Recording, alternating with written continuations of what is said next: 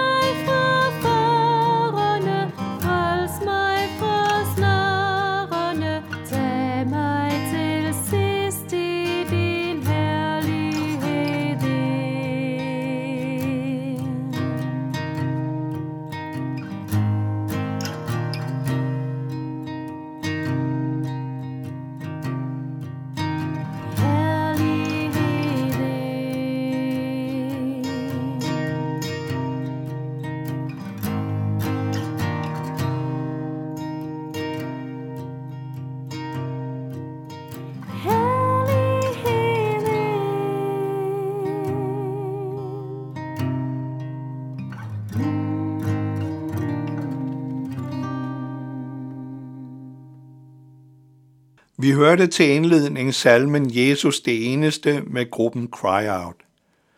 Vi skal i dag tale om Jesu kritik af farisæerne og de skriftkloge. Vi kan ikke komme ind på alle de episoder i Ny Testamente, hvor Jesus støder sammen med farisæerne og andre af Israels ledere.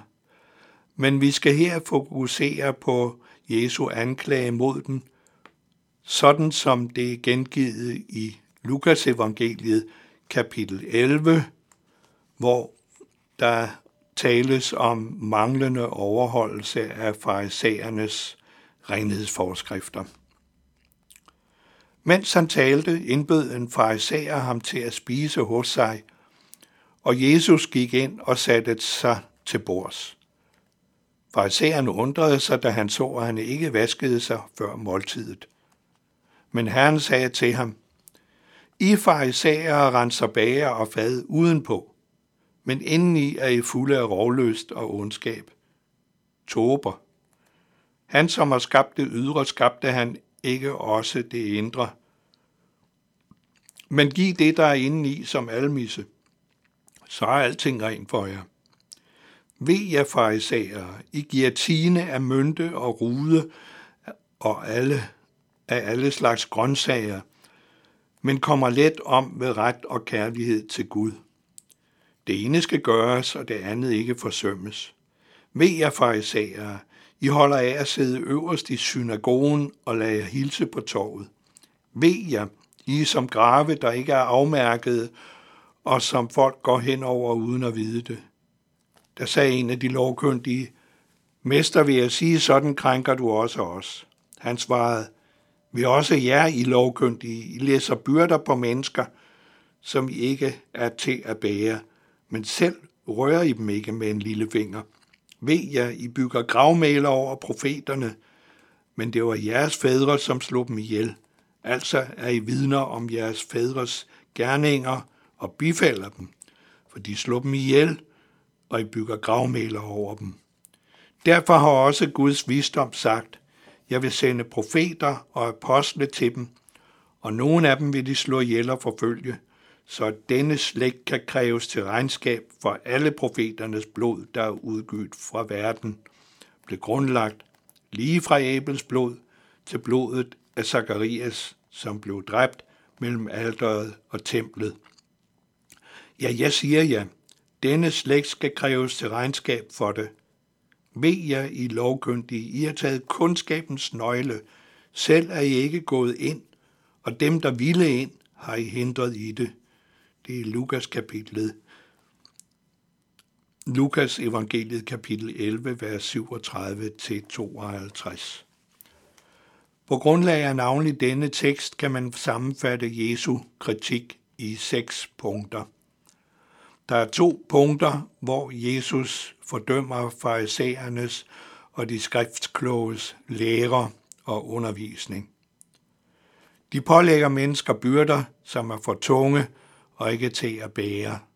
Det er Lukas 11, 46. De misbruger kundskabens nøgle, Lukas 11, 52. Det vil sige, at de som åndelige vejledere for folket har svigtet når de afviser Jesus og hans forkyndelse, og derved spærrer vejen til frelse for befolkningen. I Markus evangeliet siger Jesus, at I sætter Guds ord ud af kraft med jeres egen overlevering. Det er Markus evangeliet kapitel 7, vers 13. Ved at forvanske loven og afvise Jesus, har de svigtet deres lederansvar. Og der er fire punkter, hvor Jesus fordømmer deres adfærd og deres sindelag. Indeni er de fulde af rovlyst og ondskab. Det er Lukas 11:39. De havde ry for at være pengeglade og havde spillet morals forlit med deres regler om korban, pengegaver til templet, på bekostning af pligten til at understøtte de ældre. Punkt 4. De forsømmer ret og kærlighed, det er Lukas 11:42. De koncentrerer sig om at vise en pæn facade udad til, men viser i deres adfærd hårdhjertethed og egoisme. Punkt 5. De søger ære hos mennesker.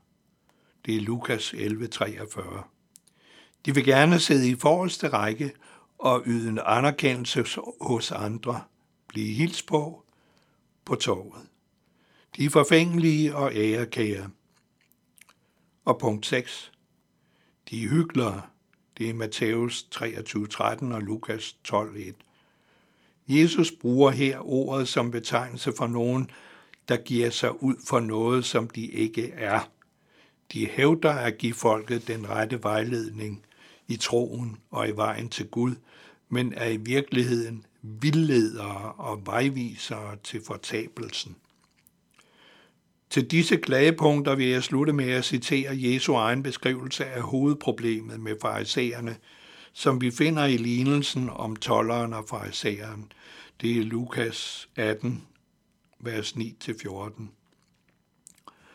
Til nogen, som stolede på, at de selv var retfærdige, og som foragtede alle andre, fortalte Jesus denne lignelse. To mænd gik op til templet for at bede. Den ene var en farisæer, den anden en toller. Farisæeren stillede sig op og bad således for sig selv. Gud, jeg takker dig, fordi jeg ikke er som andre mennesker, røvere, uretfærdige, ægteskabsbrydere eller som tolleren der. Jeg faster to gange om ugen, og jeg giver tiende af hele min indtægt. Men tolleren stod afsides og ville ikke engang løfte sit blik mod himlen, men slog sig for brystet og sagde, Gud, vær mig sønder nådig. Jeg siger jer, det var ham, der gik hjem som retfærdig. Ikke den anden, for enhver, som ophøjer sig selv, skal ydmyges, og den, der ydmyger sig selv, skal ophøjes. Og i Matteus evangeliet kapitel 16, vers 31-32 hører vi om, at Jesus siger til farisæerne, Sandelig siger jeg jer, tollere og skøre skal gå ind i Guds rige før jer. For Johannes kom til jer og lærte jer vejen til retfærdighed, og I troede ham ikke. Men tollere og skøre troede ham, og skønt de så det, angrede I heller ikke bagefter og troede ham.